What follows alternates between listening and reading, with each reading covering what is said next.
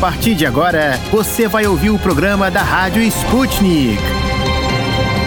Olá, estimados ouvintes. Eu sou a Luísa Ramos e vou apresentar o programa de hoje da Rádio Sputnik na companhia da querida Melina Saad. Seja muito bem-vinda, Melina. Obrigada, Luísa. Vai ser um prazer apresentar o programa com vocês, estar na companhia de vocês, ouvintes, a partir de hoje.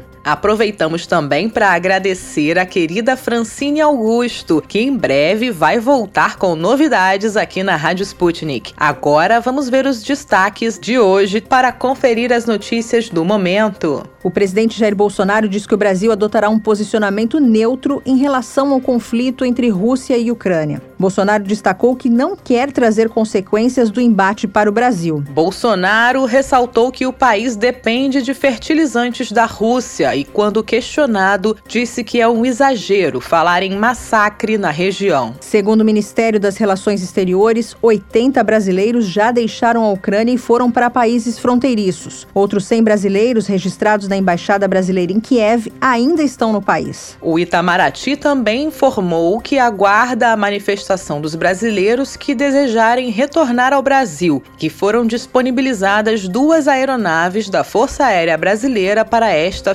finalidade. Na cena internacional, o mundo continua acompanhando o desenrolar do conflito na Ucrânia. O presidente Vladimir Putin ordenou que as forças de dissuasão nuclear do país fossem colocadas em alerta máximo no domingo. A decisão acontece após o que ele chamou de declarações agressivas da Organização do Tratado do Atlântico Norte, a OTAN, relacionadas à operação especial militar russa na Ucrânia. Nessa segunda, a secretária de Relações Exteriores do Reino Unido, Liz Truss, alertou que se a Rússia não fosse parada na Ucrânia, a situação poderia se transformar em um conflito com a OTAN. No quinto dia de operação na Ucrânia, o Ministério da Defesa da Rússia declarou que a aviação russa conquistou a supremacia aérea do território ucraniano. Segundo o Major-General Igor Konashenkov, representante oficial do Ministério, as forças russas assumiram o controle de 1.114 instalações de infraestrutura militar da Ucrânia. O porta-voz ainda comentou sobre as perdas sofridas pelos diferentes lados da operação da Ucrânia, dizendo que muito menos militares russos caíram em combate ou sofreram ferimentos. O Ocidente também se manifestou e o Tesouro dos Estados Unidos proibiu operações com o Banco Central, o Fundo de Riqueza e o Ministério das Finanças da Rússia. A intenção seria cortar o acesso russo não apenas a dólares, mas também a todas as moedas vitais para a operação na Ucrânia. O Tesouro ainda sancionou o chefe do Fundo Russo de Investimentos, Kryl Dmitriev.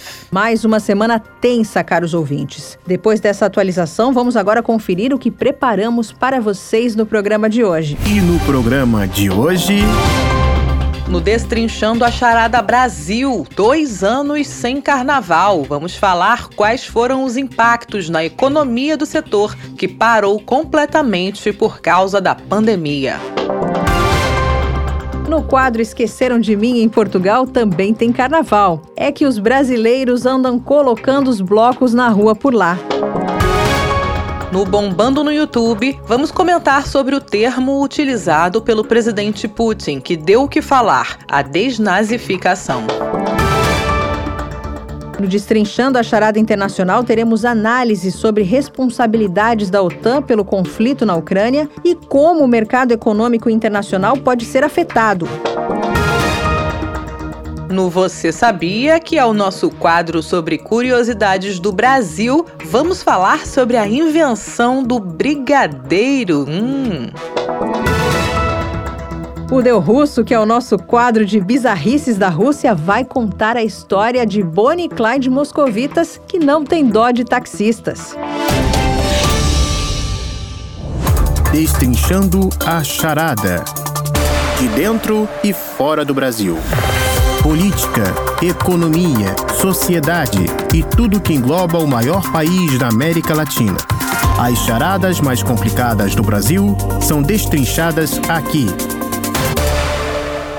Caros ouvintes, no Destrinchando a Charada Brasil de hoje, a gente conversa sobre os impactos da pandemia na vida dos trabalhadores do carnaval. E são muitos os impactos, Luísa. Em todo o Brasil, a Confederação Nacional do Comércio estima que a perda seja de 8 bilhões de reais, levando em consideração os números do carnaval de 2020, o último antes da pandemia. Os desfiles das escolas de samba do Rio de Janeiro foram adiados para o mês de abril e só na cidade, um levantamento feito pela prefeitura mapeou cerca de 75 ocupações ligadas à festa. É verdade, Luísa. Esse grupo envolve desde os artistas que trabalham nos barracões das escolas de samba, como costureiras e aderecistas, até profissionais que colocam os blocos nas ruas, incluindo os vendedores ambulantes espalhados pela cidade que conseguem aumentar a renda nos dias de folia. E essa folia tem impactos diretos na economia, movimento aumenta a quantia de 4 bilhões de reais, ainda segundo o levantamento da prefeitura. É muito dinheiro envolvido, não é mesmo, Melina? Muito mesmo. Dinheiro que vem também da movimentação do turismo. Um relatório também realizado pela prefeitura que foi chamado de Carnaval de Dados apontou que o imposto sobre serviços ligado ao turismo chega a 25 milhões no período da festa. Esse valor é maior do que a média mensal de arrecadação de ISS, que fica em torno de 21 milhões de reais. Mas os gestores da cidade querem conhecer ainda mais esse universo do carnaval e por isso lançaram uma pesquisa para saber mais sobre esses profissionais. A Secretaria Municipal de Fazenda e Planejamento anunciou o início do estudo que vai mapear o perfil desses trabalhadores. O objetivo é saber em detalhes esses variados perfis e de que forma eles dependem economicamente da festa. Um desses profissionais é o carnavalesco, o responsável por toda a concepção artística de uma escola de samba. Por isso a gente convidou o Leandro Vieira, carnavalesco premiado pela Mangueira, uma das escolas mais antigas do carnaval carioca, e que esse ano está à frente também do Império Serrano, escola que também figura entre as mais antigas da história do carnaval do Rio. Olá, Leandro, muito obrigada por estar aqui com a gente hoje. Bom, o último desfile na Sapucaí foi em fevereiro de 2020 2020, antes de a pandemia ser decretada. Como foram para você, em particular, esses dois anos? Olha, eu posso confessar que a realização desses dois anos de carnaval, ela mexeu muito comigo em aspectos emocionais e artísticos. É, mexeu tanto ao ponto de que eu, tô, eu acho que eu nunca desejei tanto a quarta-feira de cinzas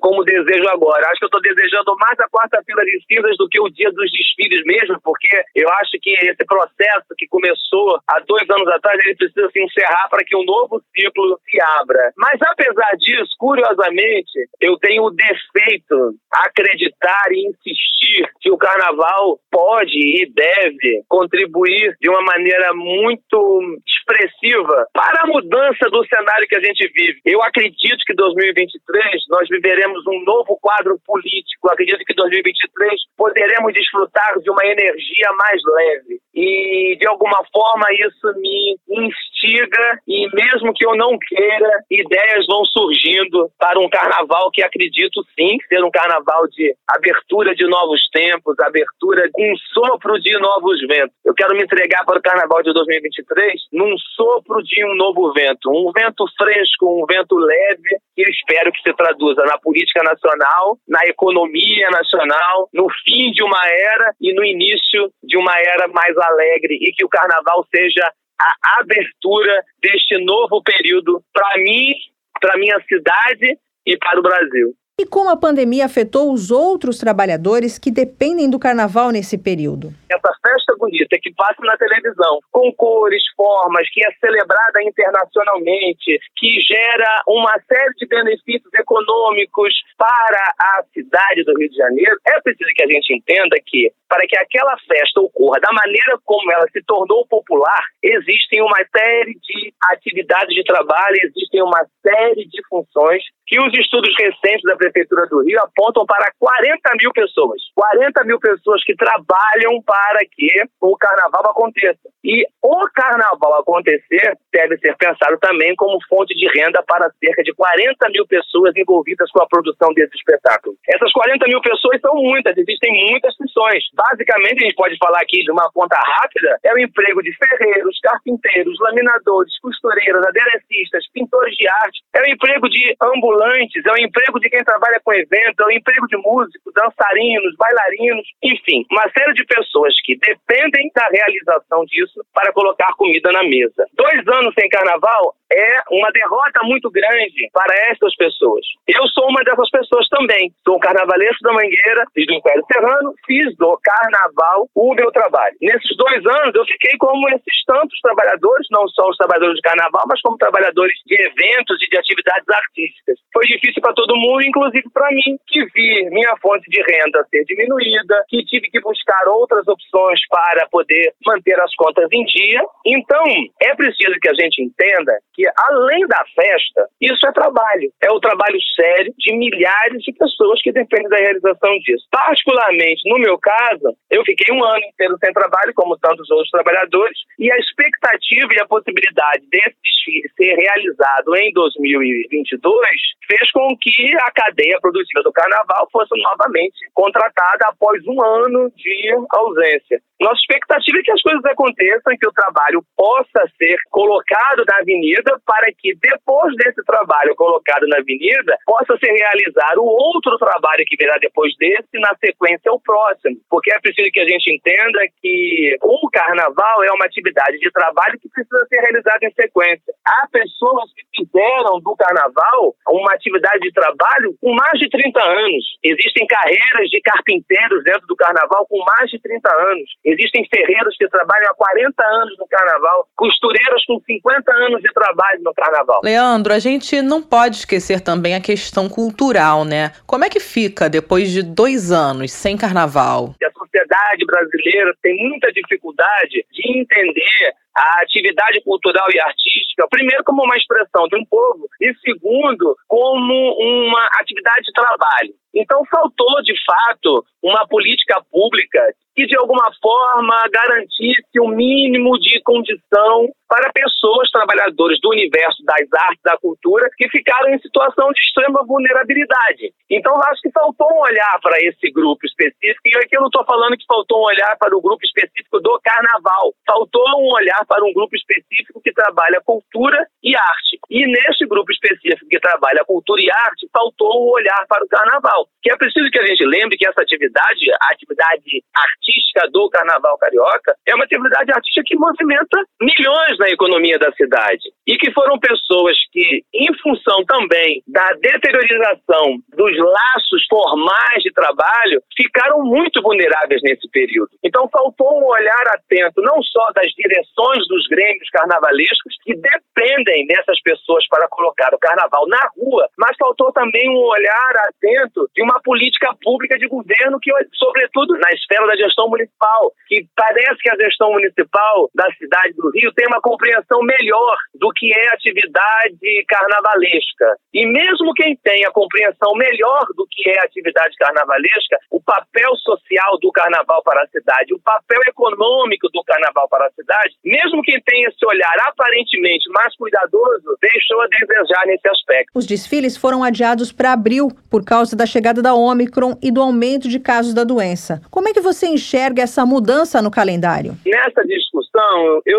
sempre preferi me colocar como um trabalhador da festa, como um cara que entende a festa a partir do prisma, com um olhar voltado para a importância do trabalho. Né? Eu defendo a realização do desfile de abril, assim como defendi que deveríamos estar fazendo desfile carnavalesco agora em fevereiro, né? Hoje, às vésperas do que seriam os desfiles, nós sabemos que amanhã haverão inúmeras festas fechadas, né? Temos a sensação de que o carnaval foi privatizado, que foi proibido um carnaval na rua, sob uma alegação sanitária, que não se justifica hoje e acaba soando como uma hipocrisia. Então, eu defendo o desfile de abril como uma possibilidade de tentar salvar alguma coisa que está ligada ao emprego e à cadeia produtiva do carnaval e da economia da cidade. É preciso que a gente pense que um estudo recente da Prefeitura do Rio aponta que com o último desfile, com o último carnaval, carnaval de 2020, foram injetados, movimentados na economia da capital 4 bilhões. Eu acho que nenhuma cidade no mundo dispensaria da sua arrecadação, da sua movimentação financeira, da possibilidade de colocar dinheiro na mesa de trabalhadores, nenhuma cidade do mundo em sã consciência dispensaria 4 bilhões. Então, um desfile em abril é a tentativa de salvar parte do que se perdeu e ter a possibilidade de algum atrativo econômico, alguma vantagem financeira para a cidade e para os envolvidos com isso. Lembrando que os envolvidos e beneficiados com essa movimentação financeira de 4 bilhões não são apenas os foliões e os sambistas ou os trabalhadores do carnaval. Esses 4 bilhões são transformados em renda para muitas pessoas, são transformados em tributos, tributos esses que são investidos em benefícios desfrutados por toda a população. Então, assim, eu, como um trabalhador do carnaval, como alguém que entende o carnaval como algo maior do que a festa, eu acho que os desfiles de abril devem acontecer. Mas não me coloco mais nesse lugar de previsão, porque o gato escaldado sente um pouco de medo da água fria. E a não realização dos desfiles em fevereiro foi um baita balde de água fria em quem, de alguma forma, acreditou em promessas e acompanhou a evolução da ciência. A ciência nos trouxe, nos colocou às vésperas do carnaval, esse carnaval que acontece a partir de hoje, nos colocou num quadro onde a gente entende, justamente entende, em função do que estamos vivendo, que era possível ter sido realizado o desfile das escolas de samba. Preferiram privatizar a festa, deslocar a festa da rua para o setor privado e deram um banho de água fria em sambistas e trabalhadores da atividade carnavalesca. Então, como eu disse, o gato escaldado sente medo de água fria. Estou colocando as minhas barbas de bolha e me guardando para quando quem pode ou quem é responsável pela decisão de bater o martelo, se vai ter ou não, estou esperando essa pessoa ou estas pessoas decidirem isso de uma maneira mais precisa. Esse foi Leandro Vieira, carnavalesco premiado pela Estação Primeira de Mangueira, que conversou com a gente aqui no Destrinchando a Charada Brasil. Nós agradecemos muito a sua presença, Leandro. Mais uma vez, Leandro, muito obrigada pela entrevista, que foi muito esclarecedora, e até uma próxima oportunidade. Eu que agradeço a oportunidade de estar batendo esse papo, agradeço a oportunidade de estar falando de carnaval nesse não carnaval de 2022. Espero que a gente possa se encontrar para bater novos papos para falar do carnaval que a gente deseja, do carnaval que a gente quer. E o nosso quadro Destrinchando a Charada Brasil de hoje fica por aqui. Um excelente carnaval para quem for de carnaval.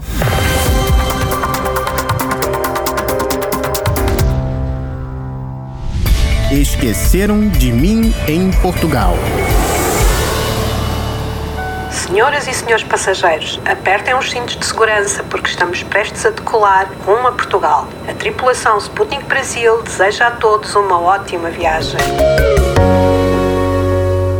Bom, Luísa Ramos, aqui no Rio de Janeiro e outras cidades do Brasil cancelaram seus carnavais, ou seja, eu não pulei nenhum bloquinho nesse fim de semana e nem vou pular, infelizmente. E eu sei que você está nesse momento na França e que por aí, por causa do frio, só tem mesmo festinhas fechadas e nada de aglomerações carnavalescas nas ruas, como é costume por aqui. Mas eu ouvi dizer que Portugal virou o país do carnaval brasileiro na Europa. É isso mesmo? Conta isso pra gente. Pois é, Melina, é algo que eu posso atestar pelos tempos que morei em Lisboa pré-pandemia. E é o que o nosso repórter correspondente da Sputnik em Lisboa, Lauro Neto, constatou e que tá rolando de volta este ano na capital portuguesa. Os brasileiros em Portugal estão botando o bloco na rua no estilo carioca, agora com as reduções das restrições contra a Covid-19. Atenção, pessoal, que em Portugal também tem suas próprias tradições carnavalescas e festejos famosos, como o de Torres Vedras e Sesimbra, cidades próximas a Lisboa. Mas o estilo brasileiro e a quantidade cada vez maior de conterrâneos nossos lá na terrinha faz com que a cada ano que se passe, o carnaval de rua rua fique mais com a nossa cara. Lu, o fato de estar frio em Portugal não afeta, não.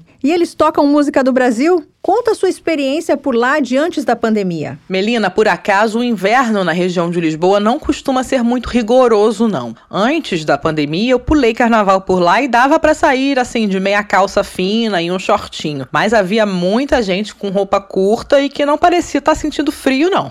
A noite é que esfria bastante e venta muito lá na capital portuguesa. E sim, há blocos e grupos fundados por brasileiros lá na capital, como a Colombina Clandestina, que já saiu no sábado depois de um 2021 de enclausuramento e foi um grande sucesso. Meus amigos que ainda moram por lá, por exemplo, postaram fotos muito alegres durante o cortejo. No domingo, dia 27, o destaque foi para o Bué Tolo, que já é um clássico no cais do Sodré, às margens do Rio Tejo. E eu, Melina, confesso para você que já frequentei as aulas de surdo e triângulo quando morei em Lisboa, lá com a galera do Bué Tolo. O pessoal por lá é muito amante do carnaval original do Rio. Nossa, que legal! E você deve estar tá sentindo falta disso aí na França, né? Sim, estou mesmo, Melina. Mas ficam as dicas aí do Lauro para quem está na capital da Terrinha que pode curtir o carnaval. Ainda nessa segunda-feira tem baile de carnaval do Vivo Samba de graça no Vila de Underground, das nove da noite às quatro da manhã. E na terça-feira de carnaval tem desfile do Lis Bloco no Cais do Sodré, carnaval do Sardinha Imperial no Mercado da Vila Cascais e desfile do Batuca Boa com banda berimbau. Os destaques de hora e local vocês encontram na reportagem especial do correspondente da Sputnik Lauro Neto lá no nosso site. Não percam, se você é brasileiro em Lisboa e ama carnaval, é só procurar pela palavra-chave carnaval na busca do site br.sputniknews.com e boa folia. Bombando no YouTube curtidas e mais curtidas da Rússia ao Brasil. Confira com a Rádio Sputnik os vídeos que receberam mais likes e visualizações e estão no topo do YouTube. E fique por dentro do que está sendo filmado por amadores ou profissionais pelo mundo afora. Agora chegou aquele momento mais esperado. Ficaremos por dentro dos cinco vídeos mais curtidos e visualizados no YouTube, queridos ouvintes. Isso mesmo. Então a gente chama o nosso queridíssimo Tito da Silva, especialista em vídeos aqui da nossa rádio. Ele é quem vai contar as novidades do YouTube diretamente da redação da Sputnik Brasil, lá em Moscou. Olá, Tito! Instituto. Olá, queridos amigos da Rádio Sputnik. Eu sou o Tito da Silva e estes são os vídeos que estão bombando no YouTube nesta segunda-feira, 28 de fevereiro. No primeiro vídeo de hoje, imagens foram feitas das forças da República Popular de Donetsk avançando em Nikolaevka, ao passo que assumem posições abandonadas por tropas ucranianas na região de Donbass. A ofensiva visa cessar os ataques e bombardeios por parte das tropas da Ucrânia contra povoados e a população civil nas cidades da República. Nas imagens, é possível ver uma bandeira da Rússia sendo hasteada na Câmara Municipal de Nikolaevka. O avanço é reportado junto com outros avanços realizados também pelas tropas russas na Ucrânia. Temendo a morte de civis, o Ministério da Defesa russo pediu para que moradores da capital ucraniana Kiev abandonassem a cidade, indicando um corredor seguro e livre de ações militares. Para ver o avanço e tomada de Nikolaevka, digite assim: quase 20 povoados passam a ser controlados pelas forças de Donetsk. No segundo vídeo de hoje, a Sputnik Brasil trouxe as palavras do porta-voz do Kremlin,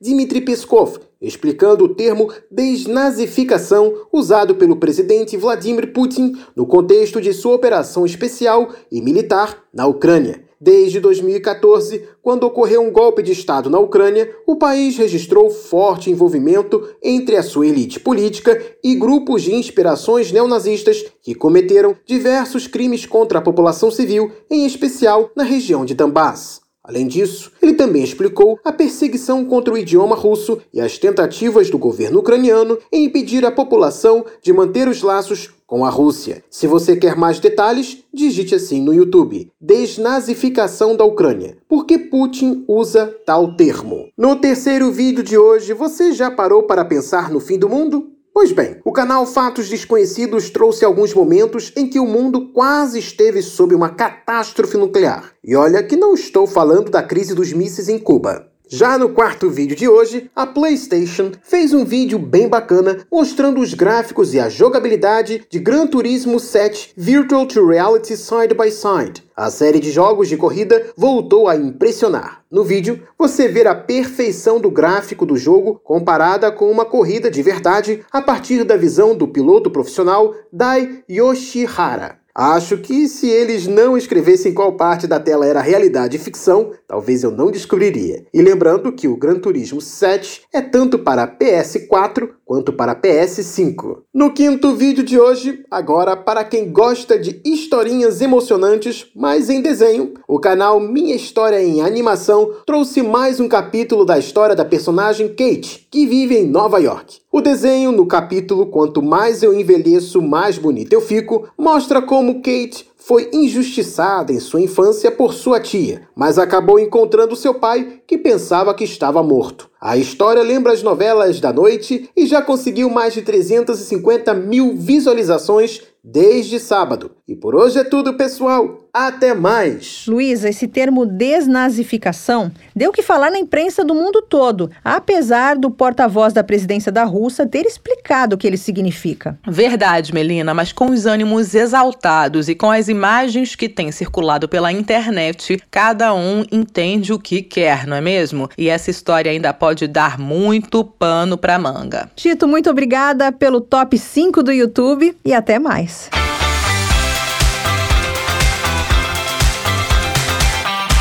Destrinchando a Charada. Encruzilhada Internacional. Relações políticas, socioeconômicas e muito mais entre as nações deste mundão. Da Rússia aos Estados Unidos. Encontre com a gente as respostas às perguntas do momento.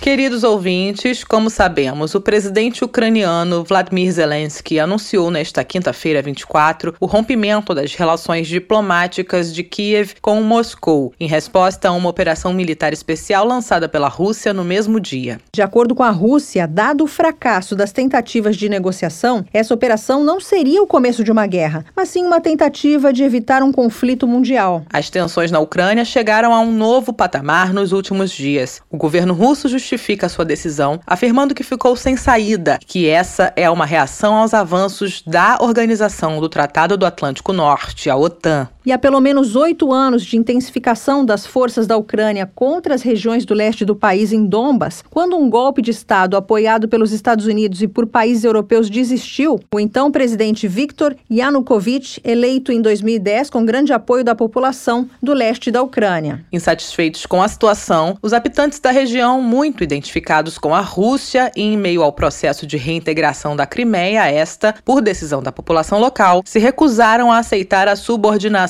a um governo ucraniano provisório, visto por eles como ilegítimo e manipulado pelo Ocidente. A resposta de Kiev em satisfação foi o lançamento de uma grande operação militar com o objetivo de endurecer o controle sobre Donetsk e Lugansk por ordens do líder interino Alexander Turkinov. Nos meses subsequentes, os conflitos se intensificaram. Grupos neonazistas que participaram do golpe foram institucionalizados na Ucrânia e sanções foram impostas à Rússia, acusada de tentar interferir em assuntos internos do país vizinho. Uma tentativa de resolver a questão de maneira pacífica foi formalizada pelos acordos de Minsk, mas nem o sucessor de Turknov, o ex-presidente Piotr Poroshenko, nem o atual líder ucraniano Vladimir Zelensky garantiram a implementação dos acordos. Tendo isso em conta, falamos com Charles Penaforte, professor da Universidade Federal de Pelotas e coordenador do Laboratório de Geopolítica, Relações Internacionais e Movimentos Antissistêmicos, LabGrima. Obrigada pela presença no nosso programa, professor. Bom, Charles Penaforte, como nós podemos avaliar esses últimos oito anos de conflito no leste da Ucrânia. O que Kiev fez de efetivo para pacificar o país? Bem, eu acredito que estamos agora na segunda etapa né, da tentativa da OTAN de chegar às fronteiras russas. Em 2014 foi a tentativa do governo Obama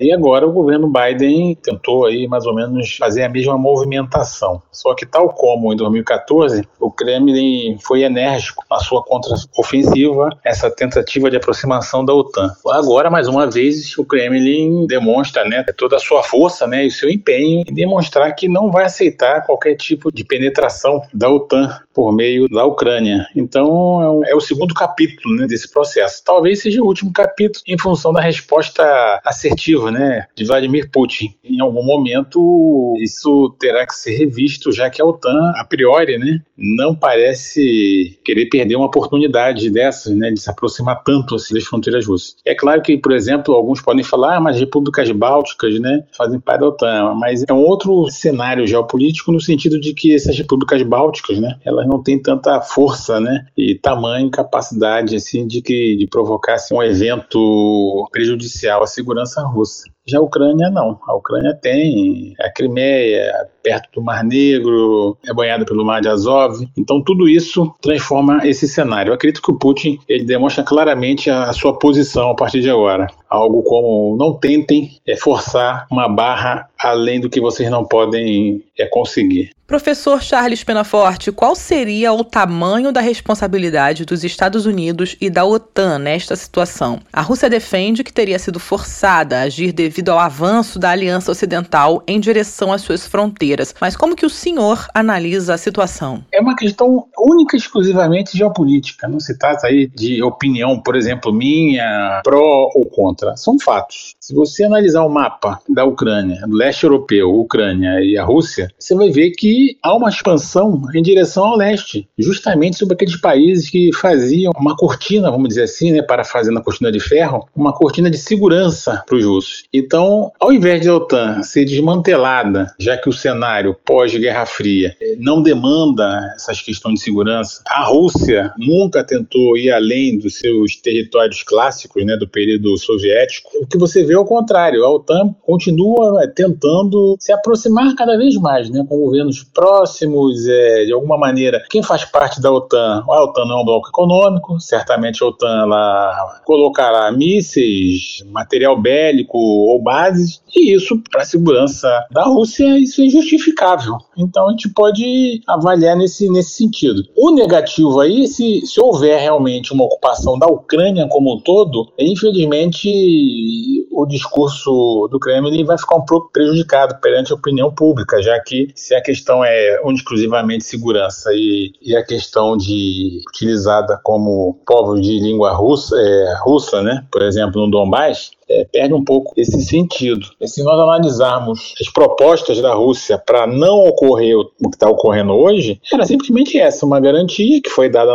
na época do fim da União Soviética de que não, haveria uma expansão da OTAN. E está havendo uma expansão da OTAN. Por que a questão geopolítica tem sido pouco tratada pelas mídias tradicionais, professor? Infelizmente, aqui no Ocidente, a retórica pró-Washington é muito forte, então você retira essa questão geopolítica de base, né, para ficar única e exclusivamente exclusivamente em questões superficiais, como se o que está ocorrendo hoje é exclusivamente derivado da, da, cabeça de um governante, né? Ou seja, é muito pouco, é muito raso né? essa, essa análise, mas sim uma conjunção de fatores e que demonstrem que o cenário atual é realmente de enfraquecimento dos Estados Unidos, dos seus aliados, e o nascimento de um período diferente, onde você vai ter que conviver com a Rússia enquanto potência militar e com a China também como uma potência econômica e caminhando para a potência militar. É o que eu chamo de uma pós-guerra fria tardia. Agradecemos sua análise, professor Charles Penaforte, da Universidade Federal de Pelotas e coordenador do Laboratório de Geopolítica, Relações Internacionais e Movimentos Antissistêmicos. Agora nós vamos entender como toda essa crise pode afetar o mercado econômico. E para isso nós convocamos Sidney Lima, um analista independente da Top Game, especializado em economia internacional. Agradecemos sua participação, Sidney Lima. Você poderia nos dar um panorama geral, resumido, de como que o conflito da Ucrânia afeta o mercado?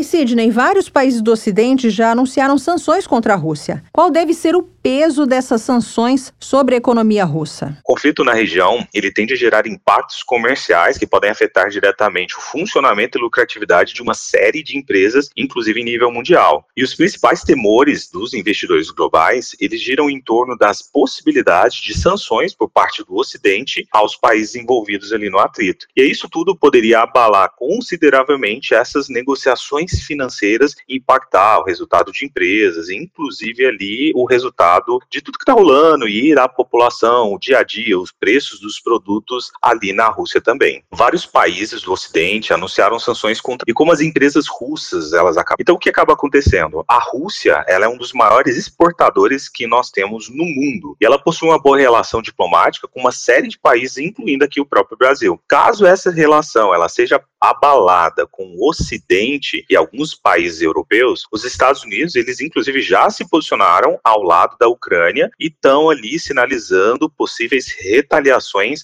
bem mais severas. Atualmente, a Rússia é um dos maiores produtores de petróleo do mundo inteiro. Então, sanções, principalmente que atinjam isso, ela pode atingir diretamente a receita ali da própria nação. Outros países europeus podem sentir reflexos dessas sanções contra a Rússia, Sidney? No caso da Europa, para você ter ideia, teria impactos também consideráveis lá com eles, dos quais afetaria inclusive a inflação dos países, que lá na Europa já tem sido motivo de preocupação também na maior parte do mundo, já que a possível suspensão, por exemplo, do fornecimento russo de certos produtos e inclusive commodities, faria aí com que o fornecimento lá na Europa ele se torne mais escasso, que possa faltar algo, forçando assim uma alta ainda mais elevada dos preços por lá, já que a Europa ela possui uma certa dependência muito forte de fornecimento de uma série de produtos russos, inclusive, por exemplo, petróleo. E Sidney, a parceria com a China e com outros países pode minimizar os impactos das sanções? Quanto a essa parceria com a China e a possibilidade de minimizar todos esses impactos de possíveis sanções, as sanções já começaram, mas a gente deve ter aí uma continuidade mediante esses desdobramentos que a gente está tendo aí recentemente tá, por parte do Ocidente. E aí, assim como a Rússia, a China também é um dos maiores produtores e exportadores para o resto do mundo inteiro. Então, o posicionamento da China ao lado da Rússia, ele acaba tendendo a beneficiar as estratégias da Rússia e o posicionamento russo ali perante o Ocidente, já que juntos, China e Rússia, eles representam uma altíssima parcela aí do PIB mundial. Então, de tudo que é produzido, vendido e comercializado no mundo. E uma potência bélica também, a gente tem que ressaltar isso, muito forte quando a gente tem a junção de Rússia com a China. E aí, isso tudo, se a gente for comparar ali com os poderes econômicos e bélicos, tanto incluindo os Estados Unidos quanto a OTAN, a relação entre os dois países, ela pode acabar minimizando os impactos negativos que a Rússia poderia sofrer aí no atual cenário, com possibilidade de retaliações por parte do Ocidente de alguns outros países ali da Europa também que têm se manifestado, como o próprio Reino Unido, a França, a Alemanha e os Estados Unidos na América do Norte. Sidney, o Brasil pode ser afetado de alguma forma? Como os investidores brasileiros podem se preparar para evitar perdas ou ainda aproveitar oportunidades com os efeitos do conflito? Quanto ao que isso pode afetar aqui no Brasil, seria basicamente assim, ó, na minha opinião, a gente poderia ser afetado sim, tendo em vista que as relações comerciais, elas nesses casos casos de atrito e posicionamento mais intenso e mais severo de alguns países, elas devem ser afetadas consideravelmente por aqui. E vale considerar que o cenário de incertezas ele tende também a fazer com que os investidores internacionais, que é basicamente o coração do Brasil, toda a grana basicamente que entra aqui no Brasil, eles migrem para investimentos de maior segurança, como por exemplo, que todos nós vemos aí o caso do ouro. Então, isso tudo faz com que a gente tenha uma redução dos investimentos investimentos por aqui, em um momento em que, por exemplo, aqui no Brasil, a taxa de juros e a inflação brasileira, ela já tem afetado aí a vida das pessoas no dia a dia. Bom, caros ouvintes, Sidney Lima é analista independente da Top Game, especializado em economia internacional. Agradecemos mais uma vez pela sua participação, Sidney. Antes falamos com Charles Penaforte, professor da Universidade Federal de Pelotas. E o nosso Destrinchando a Charada Internacional de hoje fica por aqui, caros ouvintes. Continue seguindo os canais da da Sputnik para mais análises exclusivas.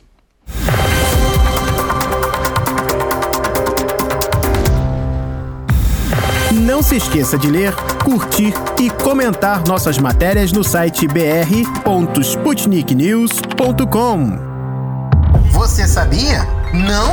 Agora vai saber! Num país gigante como o Brasil, sempre há mistérios ou peculiaridades históricas que merecem ser desvendados. Vem com a gente descobrir! O Você Sabia de hoje é sobre uma paixão nacional e eu tenho certeza que vai deixar vocês, ouvintes, com água na boca. Não é, Luísa? Com certeza, Melina. Talvez estejamos falando de uma das melhores criações brasileiras. Eu não tenho dúvidas. Hoje nós vamos falar sobre a curiosa história do nosso tão amado brigadeiro. Com o nome de uma patente militar, esse doce de chocolate, que está presente em quase todas as festas de aniversário do país, surgiu em pleno período eleitoral. A verdadeira festa da democracia. E para entender um pouco melhor essa história, nós convidamos Jorge Chalub, professor de Ciência Política da Universidade Federal do Rio de Janeiro. Olá, Jorge, muito obrigada pela sua participação. Conta pra gente, como as histórias do político brasileiro Eduardo Gomes e a de um dos doces mais famosos do Brasil, o brigadeiro, se cruzaram? A história se sobrepõe entre o brigadeiro Eduardo Gomes e o doce brigadeiro, porque dizem os relatos sobre a história do brigadeiro doce, né? Que ele foi inventado na campanha do brigadeiro Eduardo Gomes à presidência da República em 1945, quando é, a Heloísa Nabuco, que era uma socialite carioca, uma membro de uma família de grandes recursos do Rio, inventou uma forma muito próxima do doce para arrecadar fundos para a campanha do brigadeiro Eduardo Gomes. Enfim, que era uma maneira de popularizar, divulgar e que começou a se falar o doce do brigadeiro e com o tempo passou a ser conhecida apenas como brigadeiro, né? Então, o brigadeiro teria surgido como uma peça de campanha, né? Assim como as pessoas têm o bolo com conversa à última eleição, enfim, na época inventaram um doce e esse doce passou a receber, digamos, o nome do brigadeiro Eduardo Gomes, que não à toa o doce chama assim, né? Que era conhecido por brigadeiro, né? A dimensão de herói militar dele, herói tenentista do Eduardo Gomes era muito ressaltada. Olha, até quem não gosta muito do tema eleições, agora já tem um motivo para olhar com mais carinho para o período eleitoral. Sem dúvida, Luísa. Agora, Jorge, quem foi Eduardo Gomes? Quem era Eduardo Gomes? Né? Eduardo Gomes é um dos principais protagonistas das Forças Armadas e da política brasileira, eu diria, entre 22 e o final da República de 46, com o golpe de 64. Né? É uma figura que surge como um herói militar na revolta dos oito de Forte Copacabana, um movimento tido meio como quixotesco, como destinado a fracassar, mas que popularizou Eduardo Gomes, uma figura que ia se juntar como na Prestes, mas acabou preso, e que, digamos, é retomado pelo UDN, é reivindicado pelo UDN muito por causa dessa hora de herói, né? Por uma certa imagem de uma pureza de princípios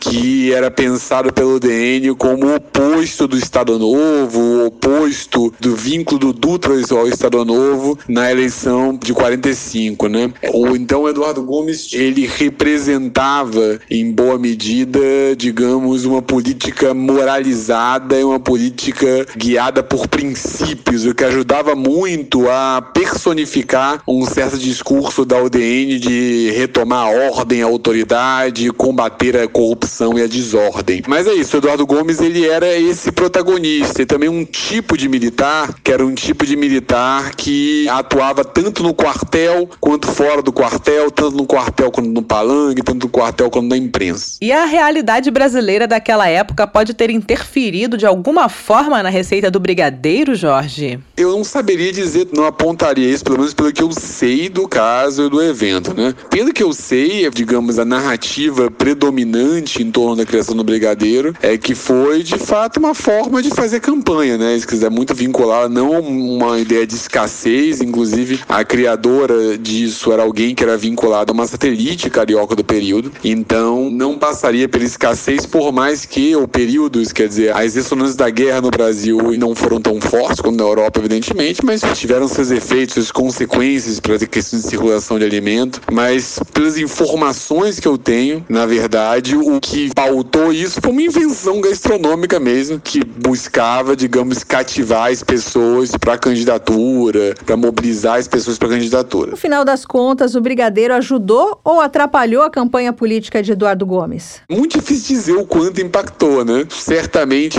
foi mais algo que ajudou a construir um imaginário em torno do Eduardo Gomes, que alguém que tinha uns símbolos muito fortes em torno dele, né? Desde 22, essa figura do herói. Também tinha uma certa figura, uma coisa que isso é importante colocar, né? Que eu não falei ainda, uma certa que brincava numa homologia do doce com uma, uma certo perfil de galã do Eduardo Gomes, né? A música da campanha dele é vote no brigadeiro, ele é bonito e é solteiro, né? Que dizem que até gerou resistência em setores mais conservadores, mas é isso, o Eduardo Gomes, ele era vendido como galã solteiro, então a coisa do doce pode ter uma relação com isso, não sei, mas acho que o doce ajudou a construir o imaginário, mas em termos de efeito para a campanha, eu não imagino ter sido tão amplo e era também um contexto é muito importante colocar, que estava um pouco se aprendendo a fazer essa campanha de massa no Brasil. 45 é a primeira eleição que é uma eleição que, em que de fato uma parte das elites se surpreende com o resultado eleitoral. Comparativamente à eleição de 33 para a Assembleia Constituinte de 34 e as eleições da Primeira República, eram eleições em que você tinha um controle das elites ou do Estado em torno das eleições muito grande. Nessa, né? uma parte das elites de fato achava que o Eduardo Gomes ia ser vencedor, que ia ser bem sucedido, e ele é derrotado, né? Por outro lado, entre a eleição de 33 e a eleição de 45, tem uma ampliação significativa do eleitorado, né? Você votava um milhão e meio em 33, votam 7 milhões e meio em 45. Claro que tinha uma série de limitações ao voto, os analfabetos não votavam, os analfabetos nessa eleição era mais da metade da população, mas você amplia muito isso e isso muda a escala do que é fazer política e fazer campanha. Então, é uma eleição, não sei o como Brigadeiro entrou nisso, mas é uma eleição em que as pessoas estão aprendendo a lidar com a política numa escala maior, a não só fazer política tomando café em casa, mas a ir pra tribuna, falar com massa e por aí vai, que é algo que o Vargas já fazia e que agora você traz pra campanha. Jorge Chalub, muito obrigada. Depois dessa conversa, deu até vontade de comer aquele brigadeiro de panela. Olha, somos duas então, Luísa. Ou melhor, eu tenho certeza que muitos dos nossos ouvintes estão com a mesma vontade. Afinal, quem é que resiste a um brigadeiro? Olha, quase ninguém, eu aposto, Melina.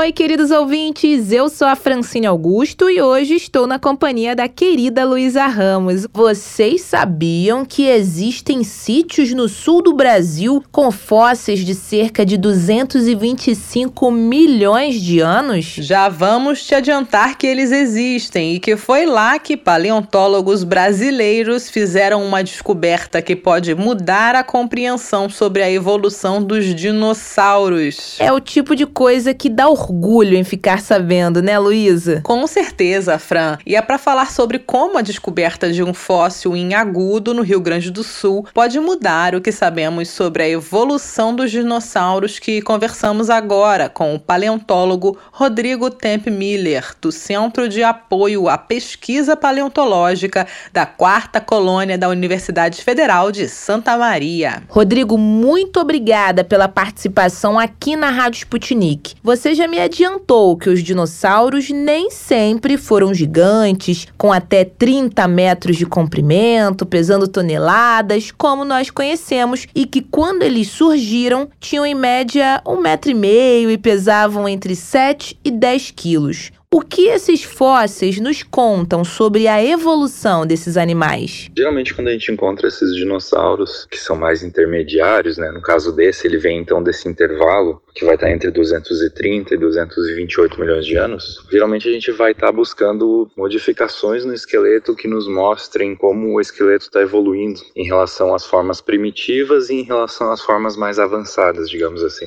para a gente conseguir colocar ele né, em um contexto evolutivo. Então, a gente sempre tenta entender o tempo e o modo em que essas características estão surgindo. E a gente geralmente vai estar mais acostumado a encontrar as mudanças. Só que dessa vez esse animal ele nos mostrou justamente o contrário, né? O que não estava mudando. E isso foi bem interessante, porque como ele já é um animal que pesa três vezes mais do que os animais mais antigos, né? Os dinossauros, no caso mais antigos, a gente esperava que ele tivesse certas adaptações que a gente não viu nele, como é aquela questão da relação entre os ossos da perna, que geralmente animais maiores vão ter o fêmur maior do que a tíbia, né, o osso da coxa em relação ao osso ali da canela. Já nesse animal a gente tem o contrário, né, ele tem uma condição que lembra mais dos animais pequenos, que são corredores. Os ossos também, de forma geral, eles são mais delgados, eles não são robustos como nas formas maiores. E além disso, quando a gente analisa as estruturas de fixação de músculos, elas são bem típicas de animais mais primitivos mesmo. A gente não vê nada das mudanças que a gente vê nas formas mais avançadas. Então, os dele, digamos assim, ainda mantém o um padrão típico dos animais primitivos, que são corredores, né, que tem toda uma mudança no, no balanço no corpóreo em relação às formas mais avançadas. Então, o que ele nos mostra, né, de maneira geral, é justamente que essas mudanças, elas não vão ter acontecido durante esse intervalo que a gente imaginava. Elas acontecem depois, já nessas formas mais avançadas. Então, ele retém as condições primitivas. É incrível como só através dos fósseis é possível descobrir como esses bichos se desenvolveram, né, Luísa? Muito, Francine. E Rodrigo, qual é a relevância dos sítios fossilíferos descobertos no Brasil nos últimos anos e o que eles representam para os estudos da paleontologia? Bom, para quem estuda dinossauro, esses sítios aqui da região central do estado do Rio Grande do Sul são sítios muito importantes porque eles vão ter os dinossauros mais antigos do mundo. A gente vai ter formas com uma idade similar apenas na Argentina, talvez alguma coisa na África, mas não só os mais antigos do mundo, como também algumas formas já, digamos que em passos um pouquinho mais avançados da evolução. Então a gente vai ter os sítios mais antigos e alguns dos sítios que vêm logo após desse intervalo temporal.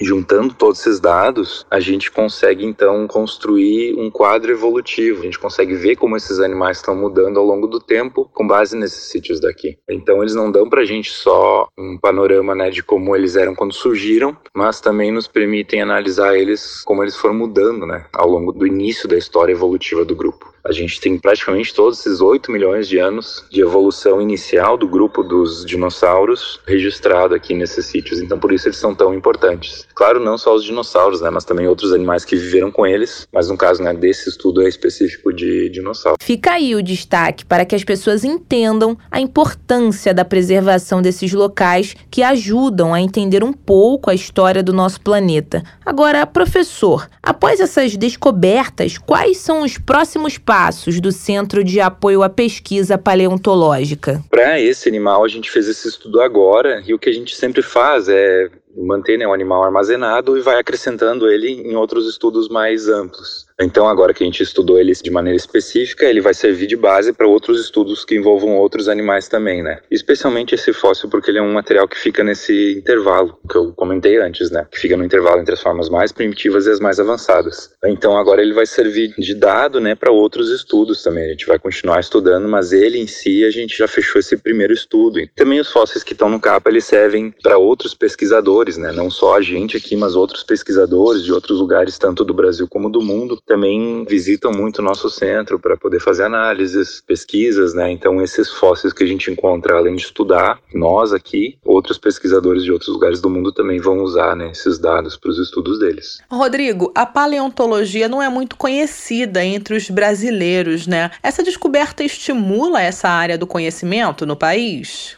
Esse fóssil é interessante pelo fato de mostrar justamente o que não está mudando, né, em relação ao que a gente esperava, e também de uma maneira mais geral, assim, ele reforça o potencial fossilífero que a gente tem na região, né, de que cada vez mais está sendo falado. A paleontologia brasileira, ela já é reconhecida em nível mundial, então cada descoberta nova que a gente faz nesse nível acaba ajudando a difundir a, paleontologia que a gente faz na região e o patrimônio fossilífero que a gente tem aqui também, né. Então ajuda a estimular a gente, também os pesquisadores novos que estão chegando mostra que a cada saída de campo que a gente vai fazer, cada vez né, que a gente vai para um sítio fossilífero, a gente tem a possibilidade de estar encontrando um material que é muito interessante para entender a evolução desses grupos de animais que existiram né, tanto tempo atrás. Então, cada trabalho de campo pode trazer uma surpresa bem legal, né, bem interessante desse ponto de vista. Né? Então, é mais um fóssil que ajuda a gente a, que estimula né, a gente a continuar fazendo nosso trabalho. Rodrigo, muito obrigada pela sua participação. Espero que possamos conversar conversar em outras oportunidades sobre mais descobertas paleontológicas no Brasil. O nosso Você Sabia fica por aqui. Voltaremos em breve com novas curiosidades e descobertas para vocês, caros ouvintes. Até a próxima!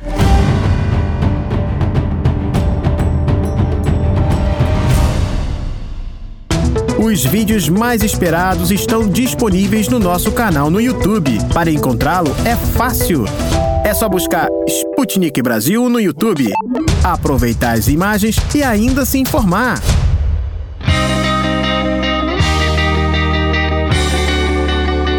Deu Russo. De notícias bizarras do Brasil já estamos mais que saciados. E as bizarrices que acontecem na Rússia, hein? É outro nível, rapaziada. Ih! Deu russo!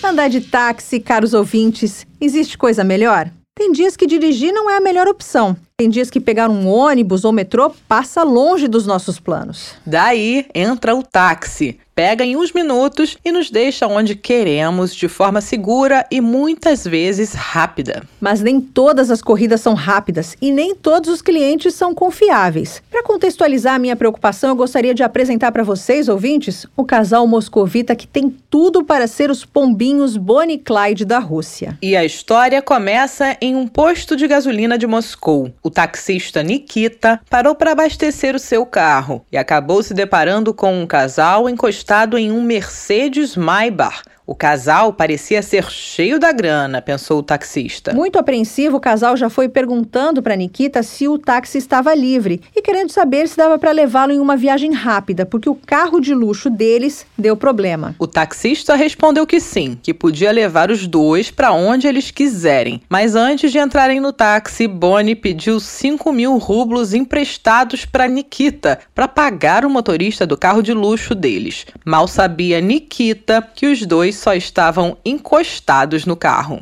Enquanto Bonnie pediu os rublos emprestados, Clyde abriu uma bolsa cheia de euros e explicou que, como só tinha as cédulas da União Europeia, não dava para pagar o motorista do Maibar, mas que no fim da corrida os 5 mil rublos seriam devolvidos sem falta. Ludibriado com a bolsa cheia de dinheiro, Nikita não viu por que não emprestar os 5 mil rublos para os clientes. Ah, e um detalhe, ouvintes: 5 mil rublos são cerca de 340 reais. Mas o que são 340 reais para uns clientes? Cheios da grana, não é mesmo? Nikita estava certo que essa corrida ia ser muito vantajosa. O casal entrou no táxi e foi dando as coordenadas. O primeiro endereço ficava nos arredores de Moscou e era só o começo de uma longa corrida. Bonnie e Clyde saíram do primeiro endereço e já pediam para Nikita seguir para outro lugar. Sempre dessa forma, os dois saíam do táxi, resolviam alguma coisa e voltavam. E nisso, o taxista lá esperando. Tinha vez que a espera durava meia hora e outras vezes Nikita passava uma hora esperando os clientes voltarem. Mas a paciência deste taxista não tinha fronteiras. Nikita queria mesmo era que no fim da corrida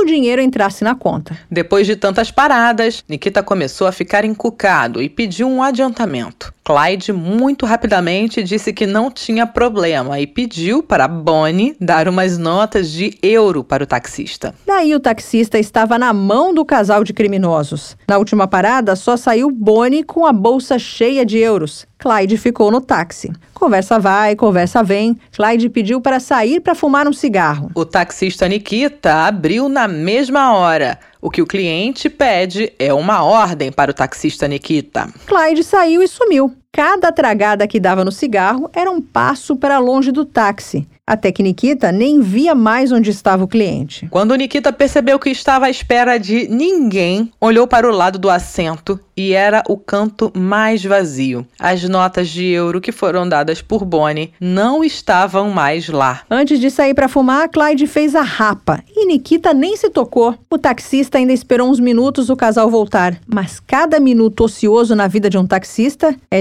dinheiro, ouvintes. Nikita ligou para Clyde e nada. Ligou para Bonnie e o silêncio era ensurdecedor. Só restou ir até a delegacia dar queixa. Foram tantos quilômetros, ouvintes, que a corrida, levando em consideração os 5 mil rublos pedidos emprestados no começo, custou quase 23.300 rublos, ou seja, quase 1.600 reais. Depois de 30 quilômetros percorridos, quem saiu no prejuízo foi o taxista Nikita, que no final das contas descobriu que o carro de luxo não era do casal e que não dá para confiar em todo mundo que chega mostrando dinheiro. E assim, Bonnie e Clyde entram em ação nas estradas de Moscou e dos arredores da capital russa. Atenção, taxistas! Muito cuidado com esse casal que não tem dó de taxímetros e que nem pensa em pagar por uma corrida.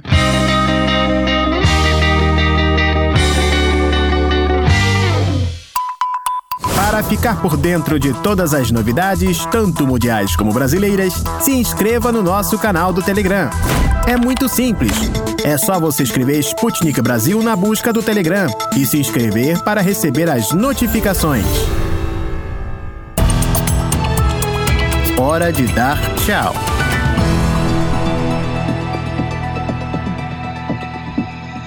Ouvintes, o programa chegou ao fim. É isso, Mel, e a semana está só começando. Eu tenho a certeza de que os nossos ouvintes vão continuar ligados em toda a nossa programação de março. Para isso, basta dar uma passadinha no site da Sputnik Brasil, br.sputniknews.com, para conferir as notícias do momento. Lembrando que também temos o nosso canal da Sputnik Brasil no YouTube. Imperdível. Lá nossos ouvintes encontram os vídeos dos assuntos mais importantes do momento momento, tanto no Brasil como no resto do mundo. Fiquem ligados também nas informações sempre atualizadas no Twitter e no Telegram da Sputnik Brasil. Bom, por hoje é só. Nós aguardamos vocês no próximo encontro. Até! O programa da Rádio Sputnik de hoje teve apresentação, produção e edição de texto de Luísa Ramos e Melina Saad. A produção de conteúdos e edição de texto de Tito da Silva e Pablo Rodrigues. A edição e a montagem do programa são de Wellington Vieira e David Costa. A produção geral no Rio de Janeiro é do Everton Maia e da Angélica Fontela. E o editor-chefe da redação da Sputnik Brasil no Rio de Janeiro é o Renan Lúcio. E em Moscou, Konstantin Kuznetsov.